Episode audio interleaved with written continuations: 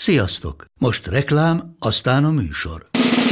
A műsor, valamint az élményekkel teli utazások, személyre szabott ajánlatok és állandó kedvezmények támogatója a Molmove hűségprogram. Nyisd meg a Molmove appot a profilodba belépve, add meg a hihetetlen promóciós kódot, és tankolj Molevo és Evo Plus üzemanyagjainkból 15 forint per liter kedvezménnyel. Ne feledd, a hihetetlen promókóddal most még jobban megéri Molmove tagnak lenni. Vége a reklámnak, jön a műsor.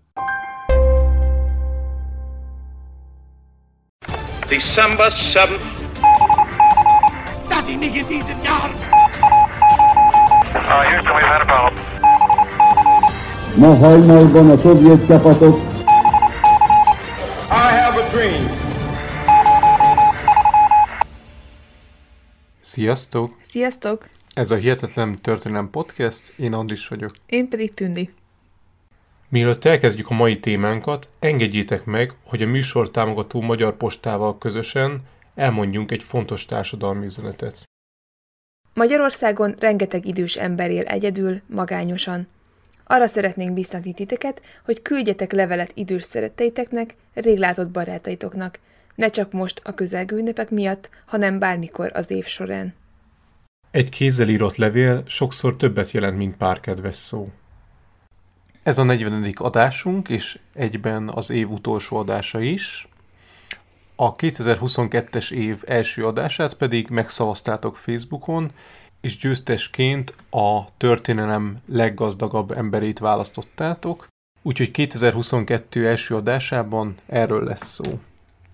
A mai adásunk témája pedig a zambiai űrprogram. Ahogy azt tudjátok, az 50-es évek végén egy kvázi egy űrverseny indult a két szuperhatalom között. Az Egyesült Államok és a Szovjetunió mindketten rengeteg pénzt és energiát ö, fordítottak arra, hogy minél hamarabb tudjanak embert küldeni a Holdra elsőként. Azonban volt egy harmadik ország is, aki meg akarta előzni ezt a két világhatalmat, és elsőként elérni a Holdat, sőt, később a Marsot is, ez az ország pedig az afrikai Zambia volt. Hol is van ez az ország Zambia? Ugye ez egy dél-afrikai ország, a kontinens belsejében található, és így nem is rendelkezik tengerparttal. Nyugatról Angola, északról pedig a Kongói Demokratikus Köztársaság határolja. 1964-ben vívta ki a függetlenségét, azaz vált ki a brit gyarmatbirodalomból, és a korábbi Észak-Rodézia helyett a Zambia nevet kapta, az ottani hatalmas folyóról, a Zambéziről kapta a nevét. Az afrikai országokat elnyomó gyarmatbirodalmakról akár egy tucat adást is lehetne készíteni, mi is szerintem fogunk még ebbe, ebben a témával foglalkozni. Számomra mindig is lenyűgöző volt az, hogy ezekben az országokban kis emberek szépen lassan, folyamatosan és kitartóan elérték azt, hogy ezek az országok függetlenedjenek az őket elnyomó gyarmat birodalmaktól. Ez jelen esetben sem volt másképp, Kenneth Kaunda volt az ország első független elnöke, akinek a visszaemlékezését nagyon érdekes volt olvasni, hiszen megmutatta, hogy milyen alacsonyról jött ez az ember, és hogy kitartással meddig is jutott el.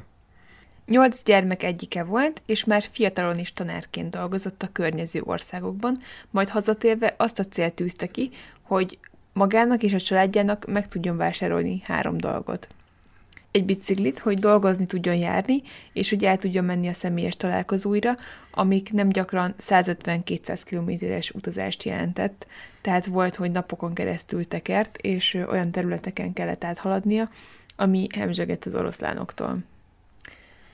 Másodjára egy karúrát akart magának venni, hogy ne késsen sehonnan, majd végül egy varrógépet, aminek a segítségével a felesége otthonról is tud pénzt keresni. Kaunda édesapja misszionárius volt, és Kaunda visszaemlékezéseiből azt tudhatjuk, hogy hát mivel nagyon szegények voltak, és igen inséges idők jártak feléjük, hogy ebben az időszakban Jézus igéje adott neki erőt, aki ugye azt mondta, hogy ne aggódjatok életetek miatt, hogy mit esztek vagy mit isztok, sem testetek miatt, hogy mibe öltöztök. Nem több az élet az eledelnél, s a test a ruhánál? Nézzétek az ég madarait. nem vetnek, nem aratanak, csűrbe sem gyűjtenek, mennyei atyátok táplálja őket. Tehát ezek a szavak adtak nekik erőt azokban az időkben, amikor szűkölködtek. Kaunda visszaemlékezéseit, amiről most beszéltünk, és amikben mindez olvasható, azt majd betesszük a leírásban. Szerintem érdemes elolvasni bárkinek, hiszen megmutatja, hogy milyen nehéz felküzdenie magát valakinek ilyen magasra és ilyen messzire eljutnia. Az országon belüli elnyomásról és a társadalmi különbségekről sokáig lehetne beszélni, ebben az országban is. Ugye Dél-Afrikai Köztársaságról tudunk a legtöbben a legtöbbet ebből az időből, vagy hát talán az, ami leginkább az általános műveltséghez tartozik, hogy ott mennyire voltak nyomva a feketék, de ebben az országban is, tehát Zambiában is hasonló volt a helyzet. Kaunda elmondása szerint voltak olyan éttermek, ahonnan szinte szó szerint elűzték őket, és ha valaki mégis egy fekete létére közel ment volna egy ilyen csak fehéreknek fenntartott étteremhez, akkor menj már innen, te fekete majom felkiáltással elküldték volna. Kaunda egyébként személyesen találkozott Martin Luther Kinggel is a 60-as évek elején, és nagy hatással volt rá Gandhi, akiről egyébként később ő is kapott egy becenevet, tehát Kaundát később az afrikai Gandiként is nevezték. Az ország Zambia 1964. október 24-én vívta ki a függetlenségét, melynek következményeként egy héttel később a Time egy újságcikkben foglalkozott az ország helyzetével és Kaunda elnökkel. Történetünk szempontjából azonban nem ez a rész fontos, hanem az újságcikknek a záró része, ahol megemlítettek egy furcsaságot, ami pillanatok alatt bejárta a világot. Idézet a cikkből. Edward Mukuka Nikoloszú, egy általános iskolai fizikatanár és a Zambiai Nemzeti Tudományos, űrkutatási és Filozófiai Akadémia igazgatója, aki azt állította, hogy az ország függetlenedése megzavarta az űrprogram végrehajtásában, amelynek célja, hogy megelőzze az Egyesült Államokat és a Szovjetuniót a Holdon. Nikolószó már is 12 zambiai űrhajóst képez ki, köztük egy gömbölydett 16 éves lányt, úgy, hogy egy olajos hordóban egy fa körül pörgeti őket, és megtanítja őket kézen járni. Az egyetlen mód, ahogyan az emberek a holdon járhatnak, nyilatkozta Nikoloszó. Idézet vége. Az elhangzottakkal kapcsolatban több kérdés is felmerül, amiket mindjárt meg is válaszolunk. Természetesen a cikket a legtöbben kétkedéssel fogadták, és nem tudták komolyan venni.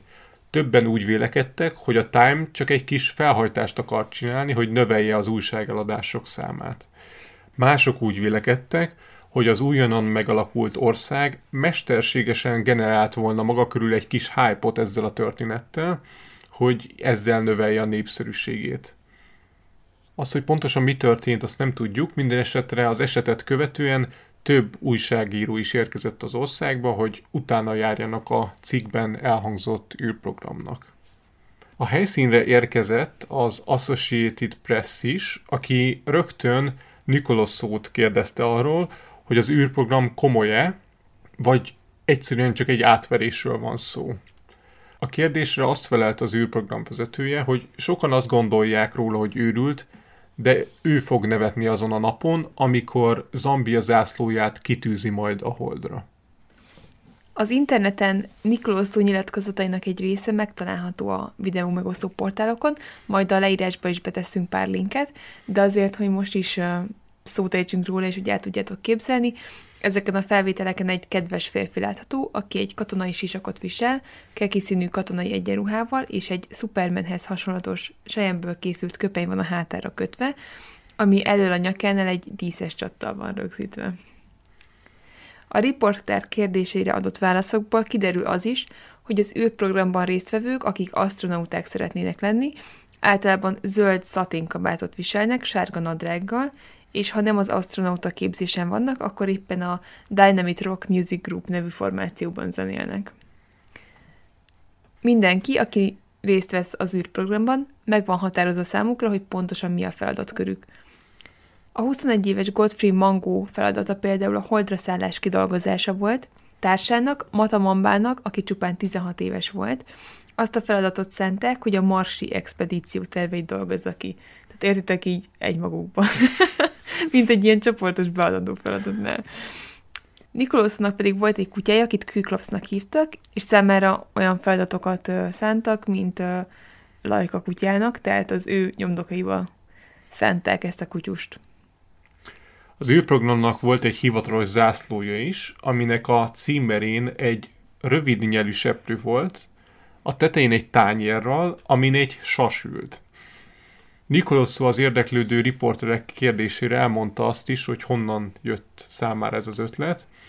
Élet első repülőútján megkérte a pilótát, hogy állítsa meg a levegőben a gépet, hogy ki tudjon menni a felhőkre sétálni, de a pilóta nem tett eleget a kérésének, meglepő módon. Ekkor határozta el Nikolosszó, hogy az élete hátralévő részét az űrversenynek fogja szentelni. Nikolosszóról egyébként mit kell tudni, mit csinált, mielőtt ezt az űrprogramot elindította volna. Ő katonaként szolgált a második világháborúban, tehát egy háborús veterán volt, aki az észak-rodézei ezret tagjaként harcolt. A háború során ismerkedett meg egy fehér katonával, aki elmondta neki, hogy hogyan működnek a mikroszkópok, és ettől fogva Nikolosszó a technikai vívmányok megszállottja lett. Amikor visszatért a háborúból, saját iskolát szeretett volna alapítani, amit nem engedélyezett neki az ambiai brit közigazgatás, de Nikolosszó így is létrehozta az iskolát, amiért eljárást indítottak ellene. 1964-ig Nikolosszónak meghatározó szerepe volt a brit ellenes politikában, ami az ország függetlenségét tűzte ki céljául. Az évek alatt többször is konfliktusba került az államigazgatással, és börtönben is ült, rövid ideig, nagyjából egy évig.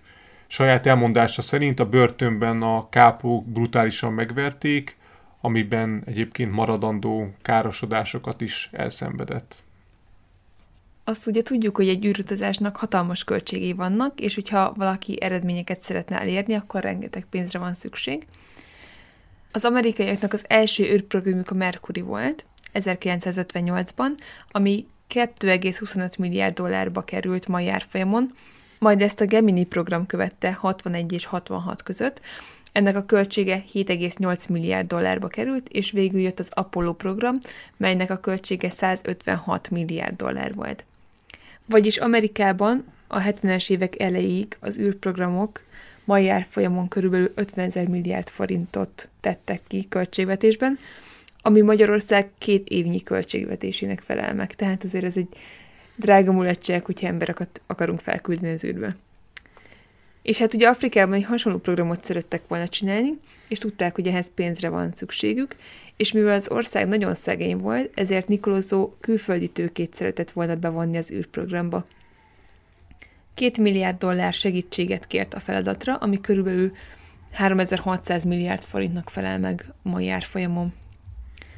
Többek között Izraeltől, az Egyesült Arab Köztársaságtól és az UNESCO-tól is kért pénzt, viszont érdekes módon versenytársaitól is, vagyis a Szovjetuniótól és az USA-tól. Mondjuk kérdés, hogy az USA és a Szovjetunió mennyire tekintette versenytársnak Zambiát, én feltételezem, hogy annyira nem. Én azt feltételezem, hogy el se jutottak ezek a levelek ott a döntéshozókig. Hát igen. Vagy ha igen, akkor csak ő mint egy ilyen point tovább küldték a vezetőségnek. Hát igen, minden esetre Nikoloszó nagyon kitartóan küldte a leveleit, de nem kapott tőlük támogatást. Egyetlen helyről küldtek neki pénzt, ugyanis egy indiai űrkutatás rajongó diák küldött az űrprogram támogatására 10 rúpiát. a szándéka fontos. Az űrprogram részleteiről szinte semmit nem lehet tudni, és Nikoloszó erről nem is szívesen nyilatkozott, mivel úgy ítélte, hogy utcahosszal az USA előtt vannak már, és semmilyen titkot nem szeretett volna kiszivárogtatni.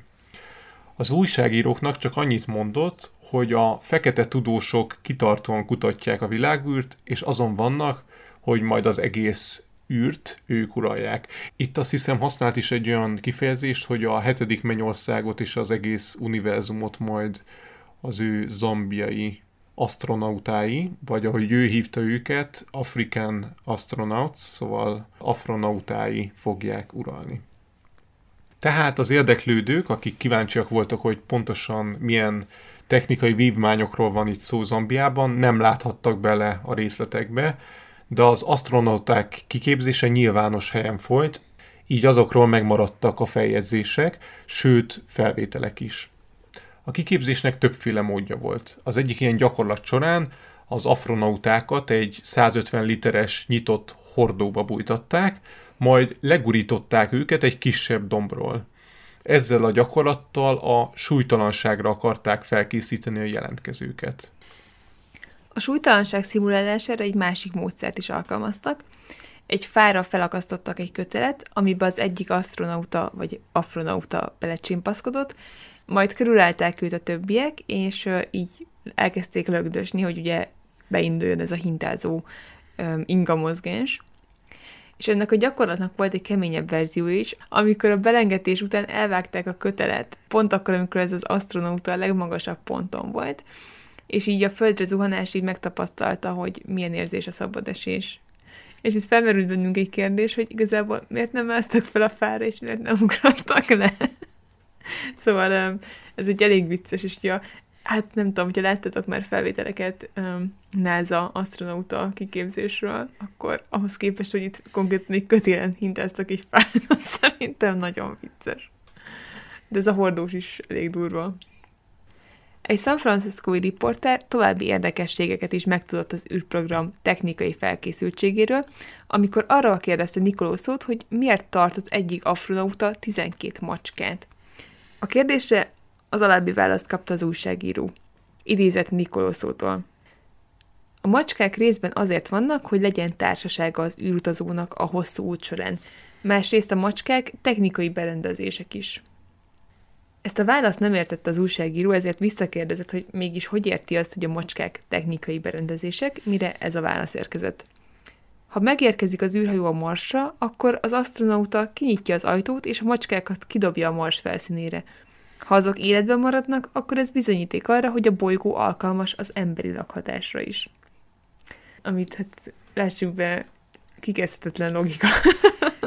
Minden esetre az aranyos, hogy gondoltak arra, hogy ne unatkozzon az afronauta, ezért vigyen magával más társaságot is, macskákat. Még más kérdés, hogy a macskák szempontjait annyira nem vették figyelembe, tehát nem tudom, hogy macska mennyire élvezni azt, hogy kilövik az űrbe. Elkészült egy űrhajó is, aminek a Dékalu egy nevet adták, mely méretre elmaradt a szovjet és az amerikai gyártmányú gépektől, ugyanis ez az űrhajó egy másfél méter magas henger alakú tartály volt, amit az első elnök Kalunda tiszteletére neveztek el Dékalu egynek. 1964 őszére úgy nézett ki, minden készen áll a kilövésre. Nikoloszó ezt írta egy újságnak.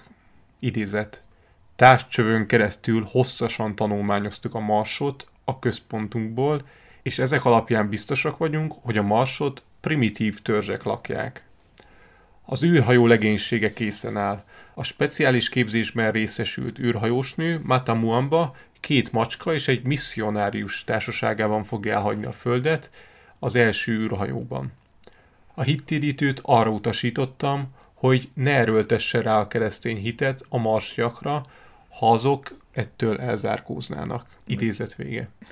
Egyébként ez milyen vicces már, hogy így készültek, hogy a legfontosabb társaság két macska és egy misszionárius lesz. Tehát nem mondjuk egy mérnök, meg orvos, meg ilyesmi, hanem, hanem macskák és egy misszionárius.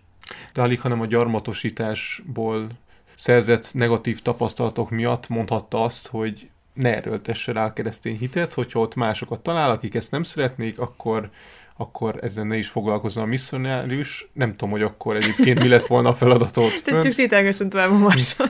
egyébként ez amúgy tényleg kedves, de az is az is érdekes számomra, hogy mondjuk mi, hogy képzelted ezt a misszionárius utat, tehát hogy így fel, fellövi a marsra magát, oké, okay, eljut valahogy a marsra, mindenféle számítógépes berendezés, meg bármiféle földi navigáció nélkül, de valahogy elérkeznek a marsig, és aztán leszállnak, kidobják a macskákat, mondjuk a macskák túlélik, ezért kiszállnak ők is az űrhajóból, ami másfél méteres henger, és öm, megkezdik a missziós munkát.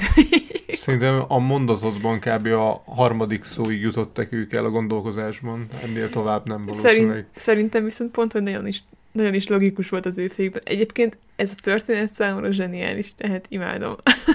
Ezt a kedves naivitást, ami, ami ebből az emberből árad. Ő ilyen jó, jó szándékú őrült, tehát hogyha nem árt senkinek, akkor szerintem ezzel nincs semmi gond. A terv az volt, hogy az ország függetlenségének kikiáltása napján induljon útra az űrhajó, azaz 1964. október 24-én. Nikoloszó engedélyt is kért, hogy a főváros stadionjában egy nagy ünnepség keretében legyen az űrkülövés, viszont nem kapta meg az engedélyt erre. Azonban nem ez volt az egyetlen probléma a kilövés kapcsán. Az űrprogram komolyságát az astronauták egy része sem vette komolyan. Nikolószó azt nyilatkozta az egyik újságnak, hogy a két legjobb embere azt mondta neki, hogy kiugranak a helyi kocsmába, de soha többet nem tértek vissza az astronauta képzésre, és azóta se látta őket. Ennél azonban nagyobb probléma volt, hogy nem sokkal a tervezett kilövés előtt kiderült, hogy az űrprogramban jelentkezők egy jó része inkább csak alkalmi szerelmi kapcsolatokat keresett a képzés keretein belül, és maga a képzés kevésbé érdekelte ezeket az astronauta jelölteket. Azt ugye korábban említettük, hogy a jelentkezők között volt egy fiatal 16 éves lány is, aki az első afrikai űrutazó lett volna, viszont nem sokkal a kilövés előtt kiderült, hogy hát így a képzés ideje a teherbe esett, és így emiatt sajnos el kellett hagyni a programot. Tehát összességében az emberhiány és a pénzhiány pecsételte meg a zambiai űrprogram sorsát, már amennyiben nem nézzük a további nyilvánvaló okokat, és végül sosem lőtték ki a Dékalu egyes rakétát. Azonban, hogyha esetleg mégis a kilövés mellett döntöttek volna, valószínűleg totális kudarcba fulladt volna az esemény. Az egyik forrás, amiből dolgoztunk, például azt írta, hogy a rakéta prototípusa egészen 3 méter magasságig emelkedett fel a kilövés után, ami igencsak lenyűgöző teljesítmény egy másfél méteres rakétától. Ennél csúszdival is messzebb lő bárki. Nagyon ott lettem volna, amikor kilövik. És akkor beszéljünk arról, hogy ugye, ha bár kudarcot vallott ez a zambiai űrprogram, de mégis hogyan vélekedtek erről utólag Zambiában, illetve külföldön. Egy brit konzervatív politikus például 1965-ös könyvében pont Nikoloszót hozta fel példának arra, hogy miért nincsen az afrikai országoknak szüksége a függetlenedésre, hiszen ahogy ez a brit konzervatív politikus látta, a zambiai űrprogram is jól megmutatta azt, hogy mennyire lemaradottak ezek az országok, és hogy a népek kultúrája is mennyire elmaradott. A brit politikus szerint Nikoloszó több hangzatos nevet is kiérdemelt magának, mint például a kedves őrült, az udvari bolond, vagy pedig Zambia falusi bolondja. Lehet, hogy egy brit konzervatívnak ez volt a vélemény az űrprogramról a 60-as években, de Zambiában egészen más megítélése van Nikoloszúnak, még 60 évvel később is. A mai fiatalok szinte kivétel nélkül felnéznek rá, és inspirálónak tartják Nikoloszó űrprogramját, akit szinte semmi nem állított meg abban, hogy elérje álmait. Nikoloszó lehetetlen bevetett hite mind a mai napig példaértékű a zambiai fiatalok számára. Egyes vélemények szerint Nikoloszó szándékosan ki akarta figurázni a gyarmatosítást és a hidegháborút, és soha eszébe sem jutott, hogy valóban bármi realitás lenne ennek az űrprogramnak. Viszont nem ez volt az egyetlen meghökkentő cselekedete, mármint az űrprogram, ugyanis 1988-ban egy zambiai újságnak arról adott interjút, hogy még az ország felszabadulása előtt, hát úgymond megtréfálta a fehéreket, ugyanis elmondása szerint elmentek egy halottas házba, ahol lefizették az ott dolgozókat, és megvásároltak egy fehér nő holtestét. Majd ezt a holtestet kecskevérrel kenték be, és elvitték a főváros egyik előkelő hotelébe, ahova csak fehér embereket engedtek be. A hotel bárjában lekapcsolták a villanyt, és a holttestet ott hagyták, miközben azt kiabálták, hogy megölték az ország fehér elnökének a feleségét, és hamarosan minden fehér így fog járni az országban. Ami azért egy elég durva történet, hogy ez valóban megtörtént. Azt, hogy ez tényleg megtörtént, azt nem tudjuk, viszont ugye, ugye ezt állította ebben az interjúban. Egy közeli ismerőse egy olyan esetről is beszámolt, amikor Nikoloszó nőnek öltözött, és úgy ment el az állami közigazgatási szervekhez, hogy saját magáról kérdezősködjön. Nikola Sofia arról is beszélt évtizedekkel az űrprogram után, hogy apja a Zambiai Nemzeti Tudományos űrkutatási és Filozófiai Akadémia keretein belül fegyveres gerilla csapatokat is kiképzett, akiknek a feladata a brit ellenes bomlasztás volt. A fiának a nyilatkozatát nem biztos, hogy tényként kell kezelni, de az biztos, hogy Nikolosz az ország függetlenségét szerette volna elérni, és ebben tevékenyen részt vett az 50-es években és a 60-as évek elején. Fiával ellentétben voltak, akik nem voltak olyan jó véleménnyel Nikoloszóról. Egyik kortársa úgy nyilatkozott róla, hogy egy őrült volt, és nem volt teljesen normális, de korábban az volt, csak a börtönben töltött egy év alatt őrült meg, és akkor változott meg ennyire Nikoloszó. Az, hogy ez igaz-e vagy sem, arra ma már sajnos nem tudjuk a választ. Ezen kívül azt sem fogjuk megtudni ma már sosem, hogy mi volt Nikoloszó indítéka az űrprogram indítására, hogy ez egyfajta bomlasztás volt, egy fricska volt a, a, a világnak, vagy a világ nagyhatalmainak, ez már nem derül ki, viszont egy dolog biztos, hogy Nikoloszó egyszer személyesen is megtapasztalta, milyen egy jól működő űrprogram, ugyanis a 70-es évek elején a NASA meghívta magához az Apollo 16-os űrkilövésére. Az esetről onnan tudunk, hogy fennmaradt egy levél, amiben Nikoloszó köszönő levelet írt az ambiai kormánynak, azzal kapcsolatban, hogy a kormány segítségével tudott eljutni egy űrkilövésre. Nikoloszó a köszönő levelet egy apró megjegyzéssel is ellátta, amit a, a levél margójára írt, és ami így hangzott. Idézet. A képzelet és a fantázia birodalmában jártam. Idézet vége. Ez volt hát a zambiai űrprogram története. Hát nem volt egy dicsőséges történet, de szerintem annál érdekesebb volt. Köszönjük, hogy meghallgattátok ezt az adást is, és találkozunk 2022-ben. Addig is vigyázzatok magatokra, és boldog új évet! Sziasztok! Sziasztok! A forrásokat megtalálhatjátok a leírásban, vagy a hihetetlentörténelem.simplecast.com-on. Kövessétek a Facebook oldalunkat is, a Hihetetlen Történelem Podcast Facebook oldalt, ahol három naponta jelentkezünk érdekes villámtörikkel. Örömmel fogadunk e-maileket is a hihetetlen gmail.com e-mail címen, hogyha esetleg kérdésetek, észrevételetek lenne az adással kapcsolatban. A podcastet megtaláljátok az Apple Podcast adatbázisában, Spotify-on, Google Podcasten és még sok más helyen is. Hallgassatok minket máskor is. Sziasztok! Sziasztok! Ha más podcastekre is kíváncsi vagy, hallgassd meg a Béton műsor ajánlóját. El tudod képzelni, hogy a podcastet, amit éppen most hallgattál, fél év múlva már a mesterséges intelligencia generálja? Mi sem. De ha érdekel, eljötte már a gépek lázadása. Hallgass bele az Embertelen podcastbe. Orsós Lajos vagyok, a műsor házigazdája. Egyelőre még élőben. Egyelőre. Fedezzük fel együtt, hogyan ismerkedik, randizik, mesél és vitatkozik Betty és Péter, két teljesen mesterséges intelligencia. Lajos, a podcast címét mond még egyszer, Léci. Oké. Okay. Embertelen podcast. Ez a műsor a Béton közösség tagja.